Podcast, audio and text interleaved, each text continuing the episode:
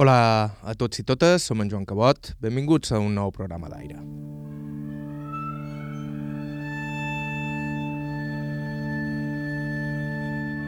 El nostre testimoni d'avui, Joana Bernat, mai ha tingut por de dir les coses com eren. Sempre va ser una dona de caràcter, filla de carboner, nascuda a Caimari, li tenia ben poca afició a la feina en el ranxo i va decidir posar-se a treballar a una de les moltes fàbriques de sabates que hi havia a l'Aró. Quan va deixar Caimari, va plorar tot el camí i deixava també una germana que havia nascut malalta però que per a ella era com una pepa, la seva pròpia filla, el regal que li feren els seus pares quan ella va complir els 10 anys. Ja era un cas que no n'havia cap mai com aquest. Ni xerrava, ni caminava. Li vàrem de donar menjar a la boca fins que va morir, que va morir a 14 anys. Només reia, plorava o tenia un atac de nervis, res més. I sempre va estar dins que nostra, va estar dins que nostra. No, no la van treure perquè tothom s'aturava un picó d'escalatrem, tothom s'aturava a mirar-la i no, no t'agradava. I era guapíssima. Era per mi la travescadissa més guapa de que nostra. Tenia uns ulls que xisaven, és vera. I no havia anat pel carrer, i era blanca de carnadura. Tenia els cabells negres, com més negres que, que rossos. Era molt mona. Jo sempre la vaig cuidar. No conserva cap fotografia d'aquella germana, però sí que encara ressona en ella l'amor que li va tenir. Un amor que ha sobreviscut fins avui en dia. La Joana té ara 92 anys i conserva encara un caràcter fort i una memòria increïble. Avui comparteix part de la seva vida amb nosaltres. Estau escoltant Aire a IB3 Ràdio, vos parla Joan Cabot, començam.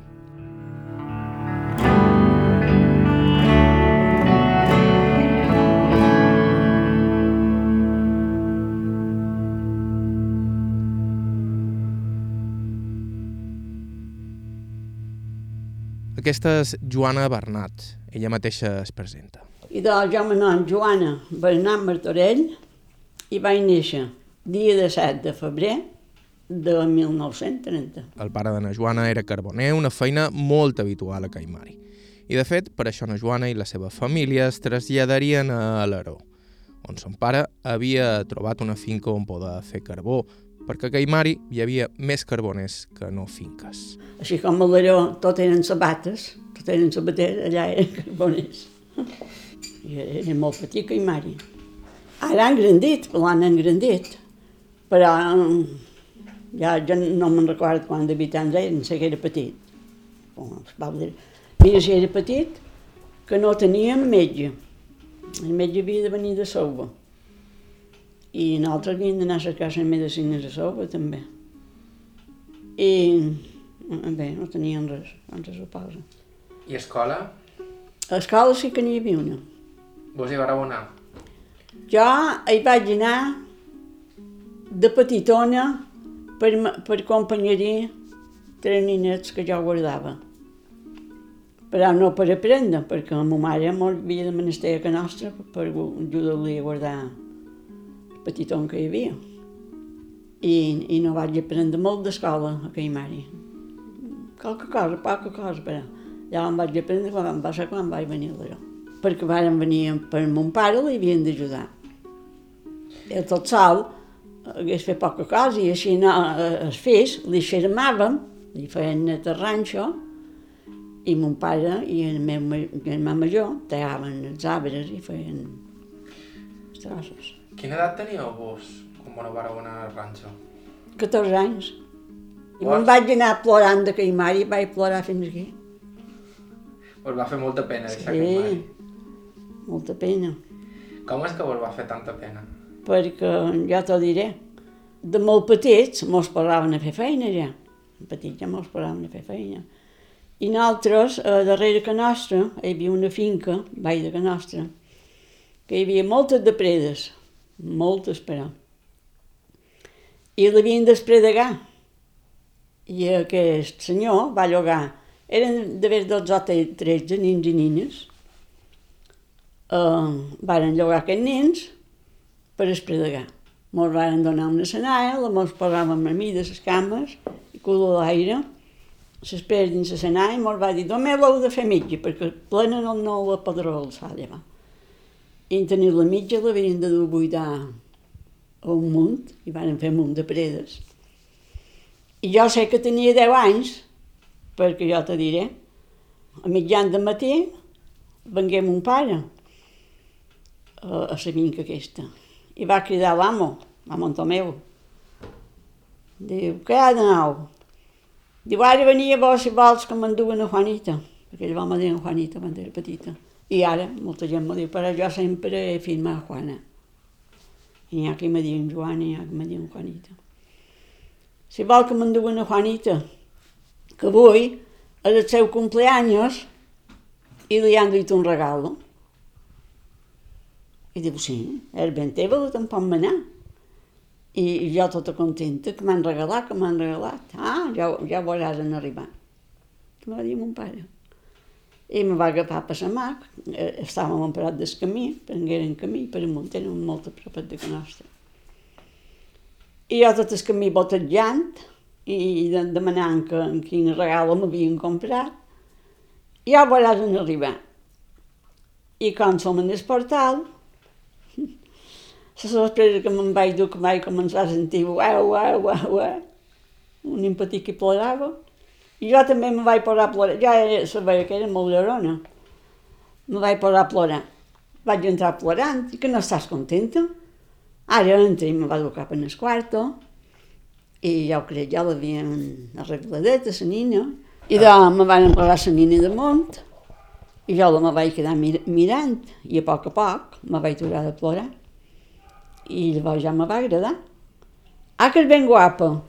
Tu volies una pepa i això vas com una pepa, em va dir mon pare.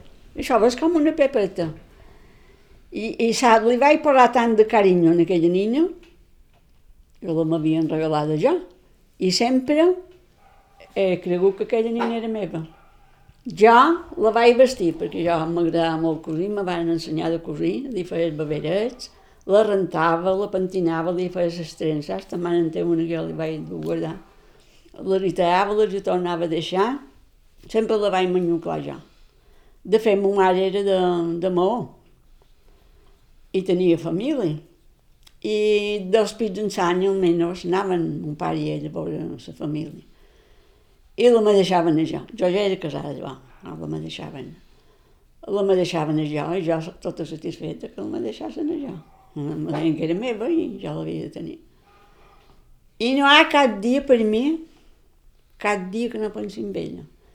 I el que me sap molt de greu que no tenim ni una foto d'ella.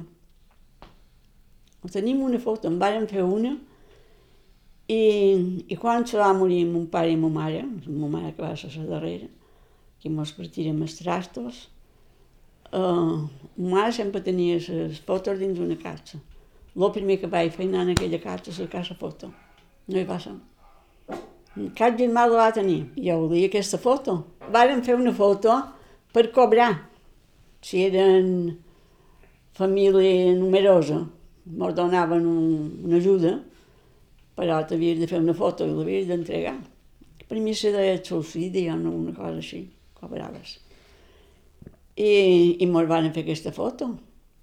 I jo la volia, la me'n volia dur. I la foto encara ha de sortir. Com s'anomia ella? Catalina. I va morir, entenc. Va morir a 14 anys. Pobreta. 14 anys va morir. Que va néixer així. Ja és un cas que no n'he vist cap mai com aquest. Perquè ni xerrava, ni caminava. Li vàrem de donar menjar a la boca fins que va morir, que va morir a 14 anys. Només reia, plorava o tenia un atac de nervis, res més. Mira el que feia. Deguéreu tenir un bon disgust. Encara el tenc. Perquè va anar pel carrer de, de, de Petitona, el meu germà major. La se posava, llavors jo duia a passejar així, xencada fins al costat, i ell se n'anava a jugar i no la mollava perquè no, no s'aguantava, no va caminar mai. I, i ell jugant en la pilota ens venien al costat, ja com que el veia. Com que jo estava sollant. I el veia. Però llavors més grandeta, que ja va pesar més, ja no la varen poder treure. Ja li varen fer fer una cadireta en el fuster, amb unes rodes, un foradet al mig, perquè quan havia de fer les feines no, no ho deia, no xerrava. I li teníem un orinelet davall i ella quan havia de fer feia. Jo amb ma mare se cuidava l'arreglador. I sempre va estar dins que nostra, va estar dins que nostra. No, no la van treure perquè tothom s'aturava un picó d'escalatrem, tothom s'aturava a mirar-la i no, no t'agradava. I era guapíssima. Era per mi la travescadissa més guapa de que nostra. Tenia uns ulls que, que xisaven, és vera. Eh, molt blanca de carne dura, perquè no, el sol... La tren qualque vegada el corral perquè li tocava el solet, però també si el feia massa fort no la tren. I no havia anat pel carrer, i era blanca de carne dura. Tenia els cabells negres, com més negres que, que rossos.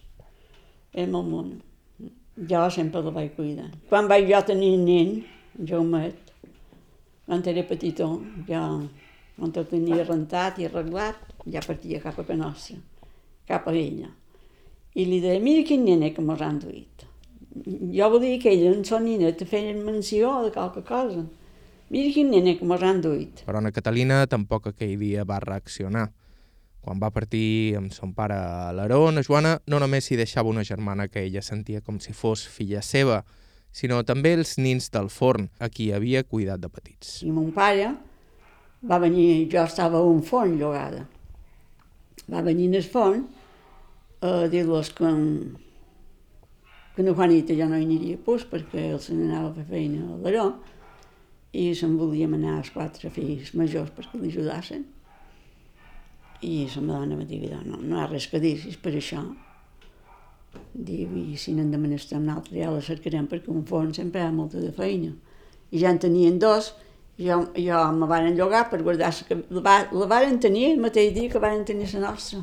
I jo guardava la petita i, i, i els dos més grans també venien en jo sempre. I te contaré un fet. Quan, quan sortien d'escola, que m'has dit si havíem anat d'escola, quan sortien d'escola, sa mare ja mos tenia un bon cantó d'així, de pa, o en sobrassada, o en pa amb oli, o en confitura, el que fos. I es gastia el lleva a davant perquè teníem feina. Au, aneu per la plaça. La plaça la teníem just a baix i nosaltres, a ma mare, baix de la plaça, molt a propet. I jo sempre cap a la nostra me n'anava, no m'hi aturava a la plaça. I ma mare, quan arribava, mos veiem aquell cantó de pa perquè llavors de la fam, hi havia fam. Jo tenia 10 anys, l'any 40, hi havia fam l'any 40. I ma mare mos deia, a jo, se girava jo, ja no estàvem paguits de sortir amb aquest cantó de pa, que els altres ni no, no en volen ni tot. I jo feia així. I doncs, què?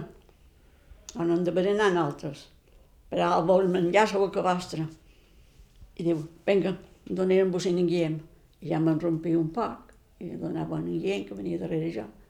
No, en Pep és que venia darrere jo, va venir, venir en Guillem. I jo llavors rompia un altre, i de, au, donava aquesta de Francisco en Pep.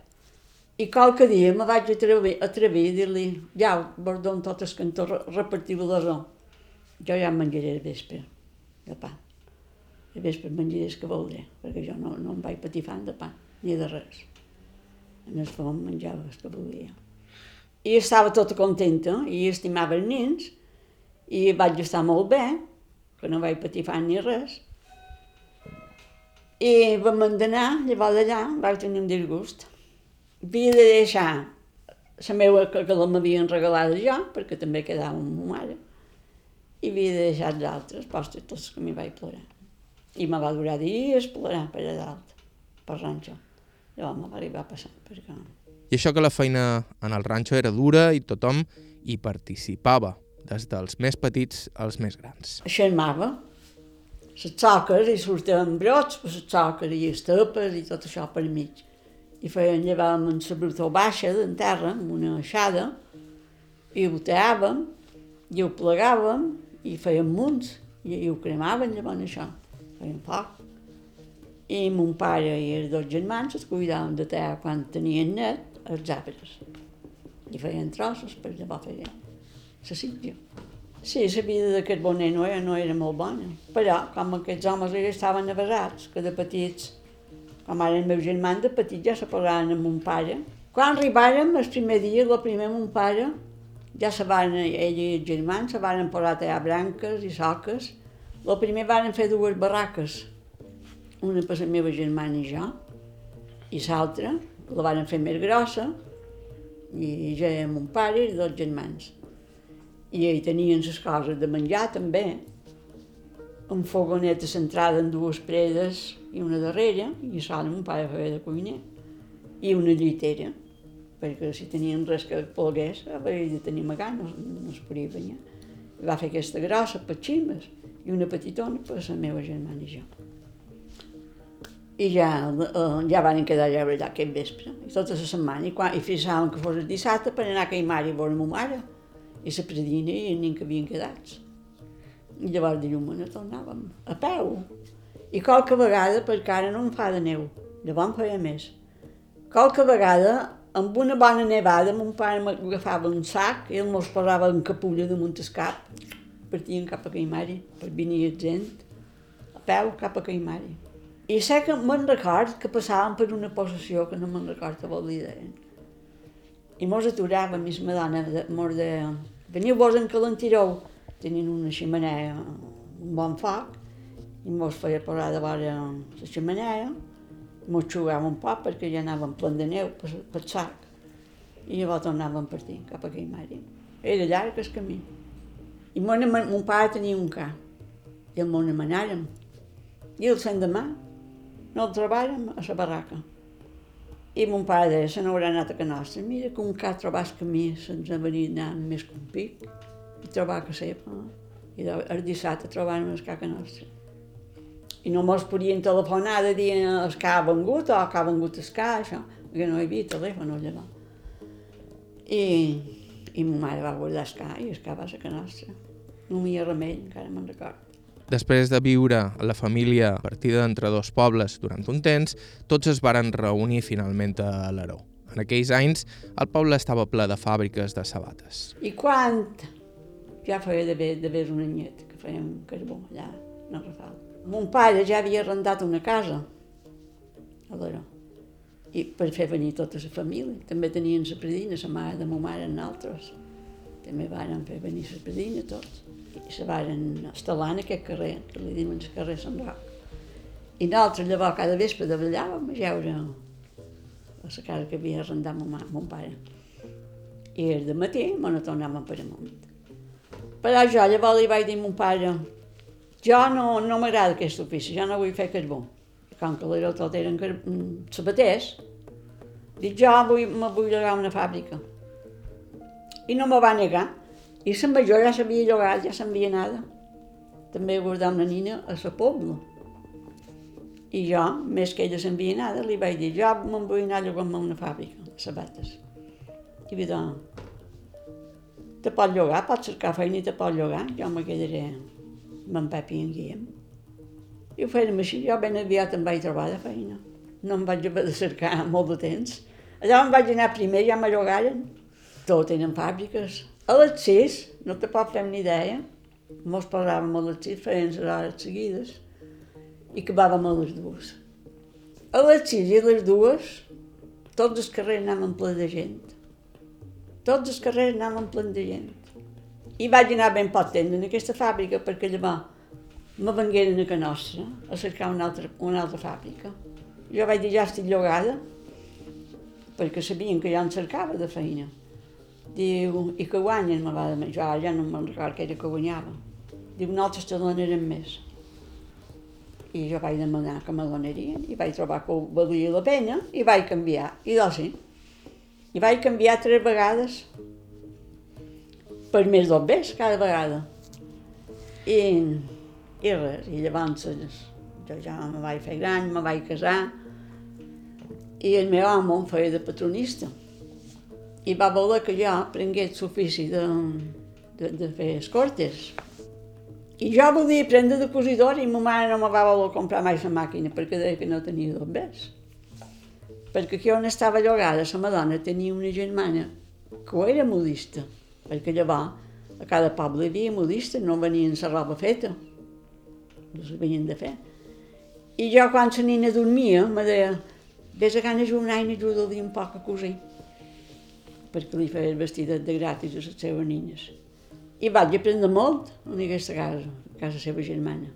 Però jo feia els babellets de la meva nina i tot. I volia ser cosidora jo. I ma mare me deia, no, no te poden comprar la màquina, no hi ha duros. I llavors, quan vaig a ser casada, el meu amo va voler que aprengués de fer cortes i me va comprar la màquina. I me va enviar a una dona que em feia, que era una bona maquillista, i me va ensenyar a fer cortes. I ben aviat em vaig saber. I un dia me va dir, mira que n'he ensenyat més de quatre, però com tu cap. Perquè jo en un instant ja em vaig saber. I les altres van ser més, més males d'ensenyar. Me'n recordo que un dia li vaig dir, jo tenia la màquina ja allà i no l'havia empleada encara. I li vaig dir, me deixau fer un viu, man, com sortirà, diu. I ara que ja faries un viu, diu, ho, ho provaré, li vaig dir jo, i els vius eren una peseta que posaven aquí darrere, ara que això no en duen. Aquí darrere, i, i feien dos ripuntets de cada banda junts. Dic, només faré un ripunt. Dic, l'altre no el faré, que no peguin dins l'altre. M'han provat, i jo provat perquè jo engomar no vaig engomar molt, feia engomar el seu fill. I més aviat m'olaven engomar, perquè engomar era bo de festa, un vir d'engomar. Uh, més aviat ja vaig ferrar, que érem de Sant Bastà, i ben aviat ne vaig prendre. I li vaig fer aquell ripunt, diu, eh, no t'ha sortit malament. M'hem provat de fer-hi l'altre de vora. I vaig fer l'altre i el, el bolit se deien notes, la nota era de 10 o de 12 o de 15, i només n'hi havia de fer un. Diu, m'hem prova de fer l'altre de vora. I anaven tots junts, cada banda de viu. I li vaig fer. I me van sortir una monada, diu, m'hem agafat una altra. I vaig agafar una altra. I me va sortir igual de bé. Diu, ja les pot fer tots si les has de fer com aquests. I la vaig fer tota la nota, ja vaig fer tota la nota de vius. I ben aviat ja me va dar més coses, després la Paula i corregis i això tot ja me va donar. I em vaig aprendre ben aviat. Era Joana Bernat, nascuda el 1930 a Caimari. En uns segons continuàvem escoltant la seva història. Això és Aire a IB3 Ràdio. Fem una breu pausa, tornem tot d'una. thank you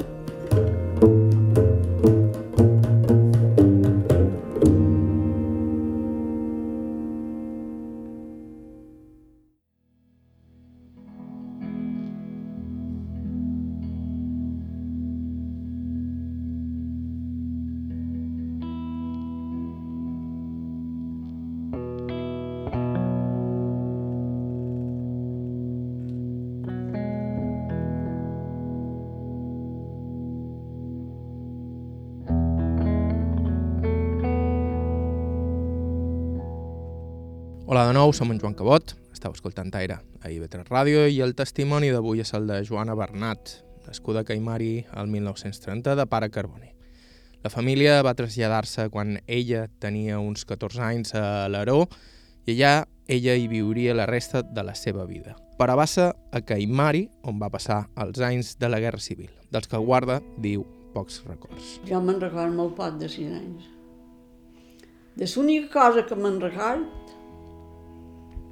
que de, de, no sé què devien fer, o manifestacions o no sé què, que anaven ninets i nines formats, se passejaven pel carrer, vestida d'uniforme, anaven blaus.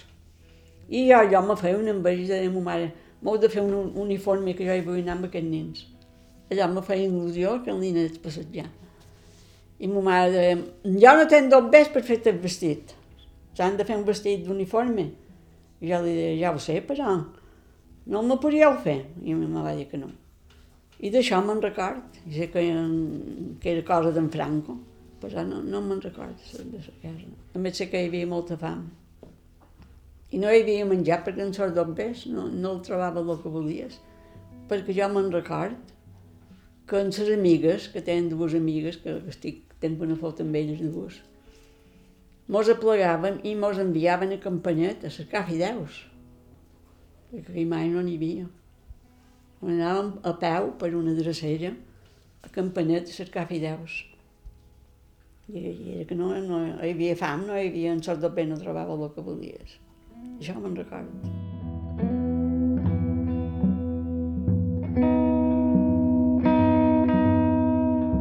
Anys després, ja a l'Aró, la Joana es posaria a fer feina a una de les nombroses fàbriques de sabates del poble. Les fàbriques donaven feina a moltíssima gent. De fet, el que seria el seu home també hi treballava. Cadascú tenia el seu ofici. Hi havia... El meu sogre era tallador de sales, estava a les sales, el meu sogre, me'n recordo. Llavors, es, hi havia els patronistes, els talladors, que tallaven la pell, tallaven les cortes, i quan hi havia una que trepava, que foradets que feien, cadascú tenia el seu ofici. I llavors, quan la sabata estava llesta, que les encatsaven, i hi un remolí de dones, ja m'hi van posar aquí, les llimpiàvem, les posàvem les plantilles, els cordons, i les encatsaven ben llimpiadones a dins d'una casa. Les empaquetàvem. Però cadascú n'hi n'hi havia un que solava. Això són, són dissenys fets del meu home. Això ell ho pintava. I llavors els, els mestres triaven els que li agradaven i ell feia el patró. I es deien de pell, llavors. I com el vareu conèixer, el vostre home? Ben poc temps que era l'heró, perquè el meu home, aquesta tia que jo t'he dit que teníem aquí, la germana de mon pare, va tenir vuit fills, set filles i un fill. I el meu home era amic del fill. I clar, nosaltres quan vam venir aquí no, no, no coneixíem ningú. I les meves cosines tot d'una venguera, em van anar a passejar amb elles i això. I, i, i el, meu, el meu home anava amb el meu cosí. I el meu cosí també a vegades vengué un altre, llavors feien voltes per, per casino, per, per, per, per aquí on ara ho vaig deixar, voltàvem. Això era la nostra passejada cada diumenge. I venien. I, i clar, mos paràvem a xerrar i a xerrar. I te diré que jo no el volia. Li vaig fer molt de mal fets, no el volia. No anava festejadís, jo me devia trobar jove, no sé. Vaig tenir un altre primer que aquest, però ben aviat va anar perquè el vaig engegar. I me va demanar com això l'engegar. I perquè ma mare me troba massa jove per festejar. Li vaig dir que jo no tenia festejera. Però llavors va tornar, i també era Jaume, va tornar aquest, i que com que anava amb el meu cosí no se'n va anar. No el vaig engegar, però li feia mal fets. Me'n record que a la placeta de la damunt feien ball per Sant Pere. Érem en el ball, a les cadires, i me volia treure a ballar, jo no volia ballar. I la tia Margalida seia de vora jo. I me feia així, colzades. No li facis aquest mal pes, mira si balles. Jo li vaig dir, si tu te'n ballera, balla. Jo no, no vull ballar. Ni feia seguir, seguir, però ja diuen qui no se cansa, el cansa, i va ser així. I va arribar a ser meu. Així ho vaig fer. I els engegàveu en els pretenents, pobrets? Sí, el primer a el vaig engegar, perquè va ser el primer, jo aquell mare no havíem anat cap encara. Però aquí, quan va venir aquest, el vaig engegar. I l'altre no... li feia mal, mal fet, no el vaig engegar, però li dava mala vida i... Sí, sí mateix li vaig dir que qualque vegada que no tornàs. Però tornaven, sol cosí, que ara venien. I vaig arribar a dir-li que sí. Ja t'ho he dit, que, que si no, qui no se cansa el cansa, jo me va passar així. I, i llavors, no, no és com ara, que se'n van de casa seva i se'n van allà on vol. Llavors havien d'anar a festejar o a casa seva o a un veïnat, i jo tenia una veïnada a les damunt. I venia i me deia, Juanita vol venir que, que demanen per tu. I jo ja veia, dic, que ja ha tornat, li vaig dir un dia, que ja ha tornat, el que s'ha engegat. I jo crec que era ell. I jo havia d'estar una hora allà, festejant a fora casa, a la veïnada. I què fèieu? Xerràvem, el matrimoni que estàvem allà i discutíem. Ens seien junts i xerràvem. I vam festejar cinc anys, a 21 me vaig casar. Ben joveneta, era una nina. Perquè llavors, llavors els joves anaven a fer el servici. I si son pare era viu, s'havia de quedar amb un fill perquè l'havia de mantenir. I clar, el meu home només tenia un altre germà, i si ell se casava, el fill havia de quedar per mantenir son pare i no anava a fer servici. I si no s'hagués casat, s'havia d'entregar en el servici, meu ja l'havia fet. I aposta me'l van fer casar més prest. Ja havien pastellat cinc anys. Jo a 14, cap vaig venir a 14, tot d'un ja va venir cap allà. I a 21 anys ens casàrem. I així el tio Guillem no va anar a fer servici. I a 24 vaig tenir nen. Eren joves a 21 anys. Jo no, no sabia fer dinar encara. Me'n recordo que el primer vespre que vaig fer sopa, vaig fer salades. I me va dir, és igual, n'hem de menjar un pic. Demà hi posa llevar, tothom feia sopes al vespre. Uh, demà hi posen més poca sal. Jo de sol em vaig prendre llevar. Ara, dia, dia 4 de juny, faràs compleany d'en Jaume. Jo me vaig casar dia 15 de novembre, de l'any no me'n recordo. Sí, del 51 per mi. O me vaig casar al 51. Me vaig casar al 51, jo tenia 21 anys. I llavors, en els 4 anys, no sé si ja si l'havia complit, la vaig tenir en Jaume. I va ser el que me va llogar, me va fer anar a la seva fàbrica, perquè en cercaven una, i diu, jo ne trobaré una, perquè també me, donaren més dobbers.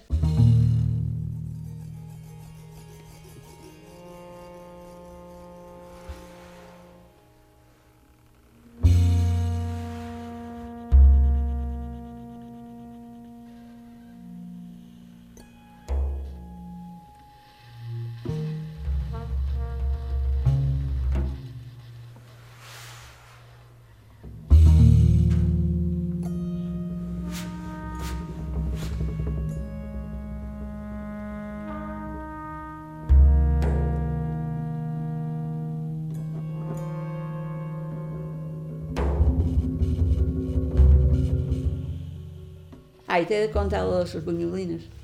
Antes d'anar a aquesta fàbrica, no hi havia nada. Varen posar una roda de fer cortes. Una roda de fer cortes era això, un local, tot eren dones, no hi havia homes, només feien cortes. I la mestressa era una de l'Aró. Però li va posar una germana seva que ja feia feina i que feia estona, i aquesta en sabia. I va voler posar la seva germana de mestressa perquè no tenia feina i no en sabia.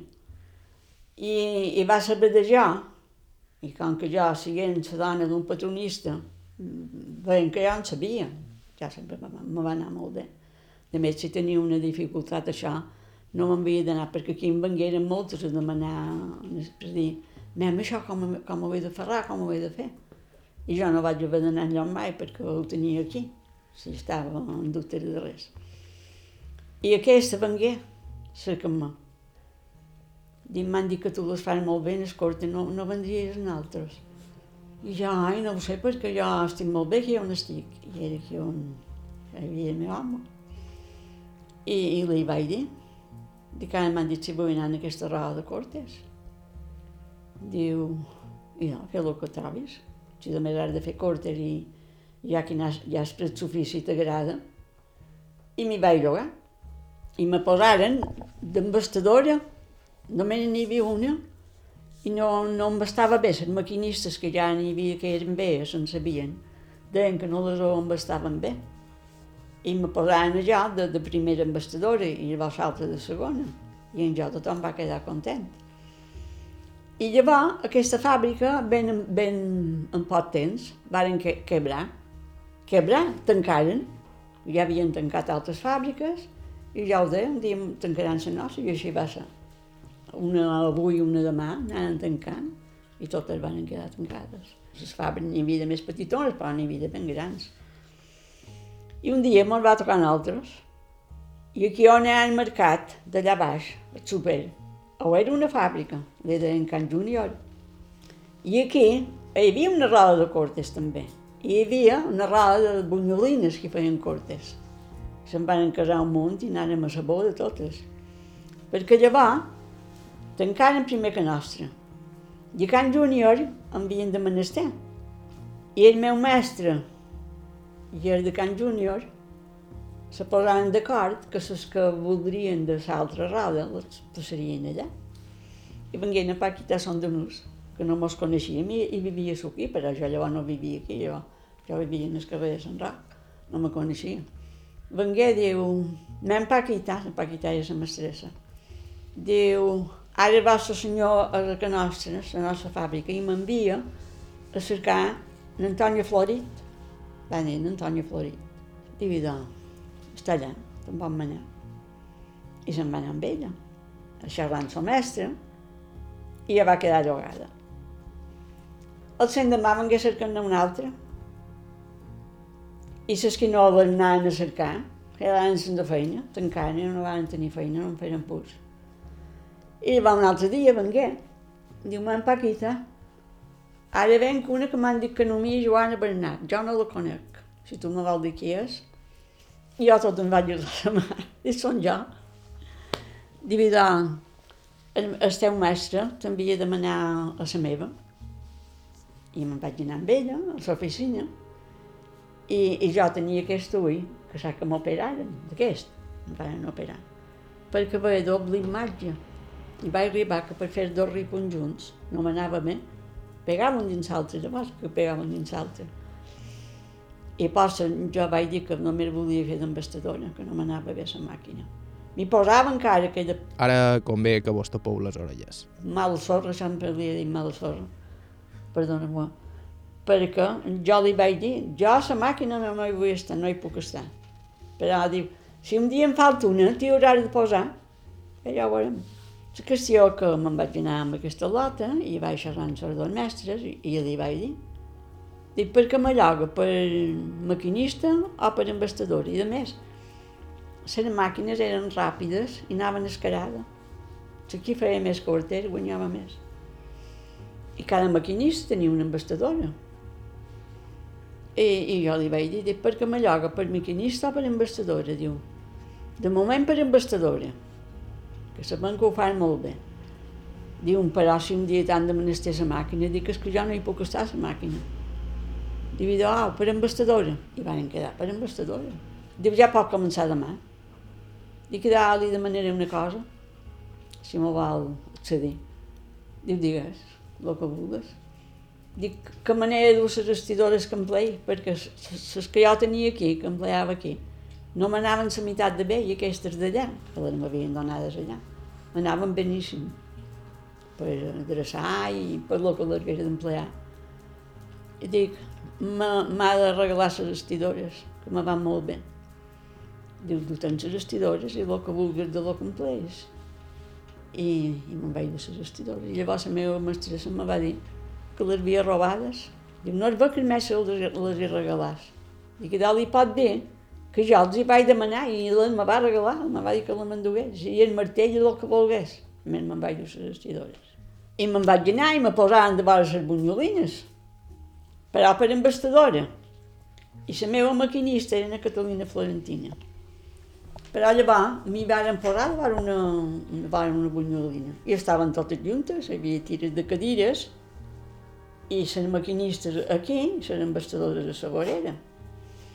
I un dia feien botes, botes llargues fins aquí, i posàvem una, una cremallera. I les cremalleres eren més petites que el tall de la bota. I hi havia la que era la mestressa, que no m'hi havia Catalina. Uh, la tenia darrere jo, deia. Que aquestes cremalleres no, no, no venen gent bé, diu, però les han d'embosar i les han de posar. I jo hem fet, jo també en tenia un caixó de vara i jo també remugava. No, això, no pot, jo tota sola xerrava. No pot ser aquestes, aquestes, aquestes cremalleres no, no van bé. I aleshores feia de patronista en Andreu de Canarrea, que era molt amic del meu home i venia a vegades aquí. I, i era allà dins l'escriptori i feia feina. I remugava, i, i ella me va sentir remugar i, i me va dir Juanita, veu jo com les fas? Les has d'emboure, has d'emboure la pell, eren, la pell era una dongleta fina i se deixava emboure. Has d'emboure la pell, l'has d'emboure emboure i te bastarà la cremallera. O la cremallera arribarà a la pell. I, I jo li vaig contestar així, dic, a mi no m'has de dir com he de ferrar, ni si he d'emboure ni si no he d'emboure, que jo te'n puc donar amb una cureta de, de ferrar cremalleres. Talment li vaig deixar que m'ho reteguen de vegades. I jo te'n puc donar amb una quareta de ferrar cremalleres, amb les que jo havia ferrades. Jo allò no me cridava, i amb una geniada m'aixec i me'n vaig anar cap a l'escriptori. Dic, Andreu, ja el coneixia molt, en Andreu, perquè venia per aquí. Dic, mem, Andreu, i me'n vaig anar amb una bota, ferrar, amb una cremallera ferrada. Dic, mem, mira'm aquesta bota, trobes que me queda bé així? Diu, què és això? Diu, això és això. Dic, les cremalleres no donen més? No, no, no, no, no. Dic, no, i dos les bunyolines les hi ferren així. I una m'ha dit que és així que les he de ferrar. No, no, no, no, anem, anem. I venguent jo, i, i la vaig anar a la mestressa, aquí en tenia un caixó ja de ferrades. Diu, no, no, ja el pot pegar estirar de llevar-les. Diu, no, no hi ha altres camalleres més llargues. Diu, ja en durem.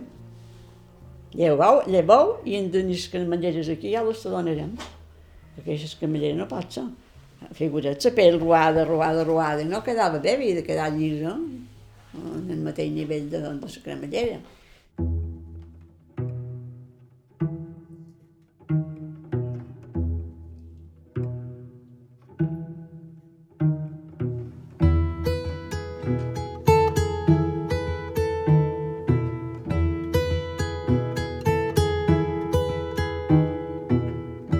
Mesura que les fàbriques van anar tancant, Alaró es va anar transformant en un altre poble. A Joana, però, va continuar vinculada quasi tota la vida a les sabates. Quants anys vareu fer de cosidora? Jo te diré, quasi quasi fins que tancaren, perquè quan varen haver tancat, aquí qui va donar molta feina era el padrino. Padrino que era de, de Nova York. El meu fill feia feina a l'oficina de son pare i llavors l'enviaren a Nova York, el padrino. I donava feina a totes les fàbriques aquestes. I quasi totes les fàbriques ja estaven tancades, però l'oficina encara funcionava. I jo vaig, sempre vaig fer les mostres de l'oficina. Feien una mostra, feien el patró, llavors havien de fer escorte per mostra i la duien a mostrar en el fabricant, si li agradava o no. I jo sempre vaig fer les mostres, perquè no, me quedava molt bé, no sé dir-ho. I i la darrera van tancar l'oficina del padrino, ja no hi va haver més fàbriques, més sabates. Però ja n'hi havia moltes de tancades, que ja no donava feina, i, i la darrera va ser la seva, que, que el predí va donar la sort, perquè se va voler jubilar, va jubilar, i en poc temps van tancar, i si no hagués estat jubilat, els que no hi estaven van cobrar una bona tallada, i ell l'haguera cobrat i no va, ja no va cobrar, perquè ja estava jubilat. I jo tenia ja Record que en Joan Mat era gran i a vegades jo, assegut de la cadira, se posava aquí darrere, ferrat jo, i jo la màquina que li puntava. Així és que n'hi vaig fer bastant d'anys, no, no sé quan, però. I els cortes de les, de les sabates no van estar mai ben, ben pagats, perquè jo me'n record que a les 12 podies anar per qualsevol carrer i senties la màquina, el martell que picava. Havies de fer set si volies treure el jornal. Anaves a la fàbrica, te preparaven el bolic amb una nota o dues, o el que fos. I te no dues a fer que seva, jo em vaig fer molt de temps a Canassa també. I, i quan estaven fets, les entregaven. De fet, eh, el papa va anar al Fredí a Binissalem, llavors, a feina de, de patrons. I a la fàbrica tenien falta de, de maquinistes i m'enviava el papà m'enviava en feina i jo la repartia, tenia tres o quatre dones jo que li donava feina. I la feina que seva. Llavors la m'duien feta i el papà se'n tornava. Sí, moltes, perquè moltes dones casades amb infants no podien anar a la fàbrica i feien cortes a casa seva i guardaven els nens. I com vos entreteníeu a les fàbriques mentre cosíeu? Entreteníem, no, havíem de fer feina, no mos podíem entretenir, teníem un vigilant darrere qualque vegada cantàvem i, i xerràvem però fent feina. Cantàveu així mateix? Sí, jo era molt cantadora. Ah, sí? Mm. I què vos agradava cantar? De tot, quan en Manuel Escobar va, va treure la cançó aquella de Mi carro me lo robaron, jo anava a collir oliva. No, no, no havia anat a la fàbrica encara, aquest any. Vaig anar un any a collir oliva a Sant Palau, i, i tot d'una me pagava a cantar. I aquest dia sé que no, no vaig cantar i l'amo diu, Juanita, diu, i no, avui no has encetat encara. Anem, si en cantes una. I, i vaig cantar Mi carro me lo robaron, perquè llavors estava en moda. aquesta cançó. Vàrem anar a collir a romandre, se deia, i, i tota la setmana estàvem orient, i llavors dissabte treballàvem. Ens donaven dues mesures d'oli i, i de tot bé no sé què eren, pagaven poc. Però per soli ma mare me'l va llogar. I estàvem en una caseta allà, a Orient. I quantes dones éreu? Bastantes, per deu o... I n'hi i, i n'hi havia una que havien de tenir espaneble totes en un pit, perquè si no, si, si rendies poc, t'engegaven. Aquesta venia amb sa mare. Sa mare era molt falaguera per cuir. I, i, i a vegades cuíem en les mans baubes, perquè feia molt de fred llavors, en neu i tot cuíem. A vegades havien de descavar les olives de la neu. I vam anar a la filla, a Magdalena, i era petita. Doncs ja teníem el paner a casa ple ella no el tenia mig. Jo a vegades les duia de vora, estava, fèiem una tira, anàvem. I jo ho veia. I sa mare posava una grapada dins el seu i una dins de sa filla, perquè sa filla tingués ple no l'engegassin. Ser molt falaguera, vull no, no. Sempre el vaig doblar.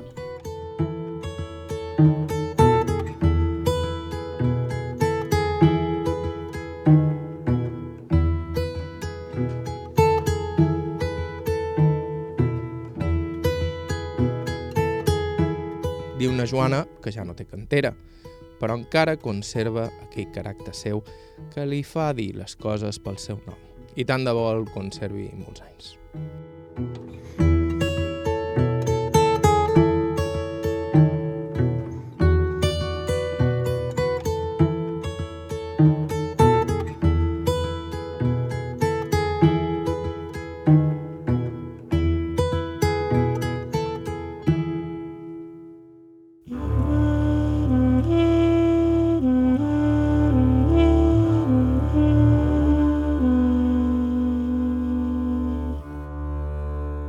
Aquí el programa d'avui. Moltíssimes gràcies a Joana Bernat pel seu temps i pel cafè. I moltíssimes gràcies a la seva neta, Cati Llodrà, que va ser qui ens va escriure per proposar-nos l'entrevista. Si voleu fer el mateix, ens podeu escriure un correu electrònic a aire.ivetresradio.com Us recordam que la millor manera de no perdre's cap programa és subscriure's al nostre podcast a qualsevol dels agregadors disponibles i que a ivetres.org barra ràdio hi trobareu tot l'arxiu del programa. La música que ha sonat avui ha estat de Joshua Abrams, Marisa Anderson, Jaume Tugores i Charles Rumbach. Bàrbara Ferrer, la producció executiva, vos ha parlat Joan Cabot. Gràcies per ser a l'altre costat i fins la setmana que ve. Mm-hmm.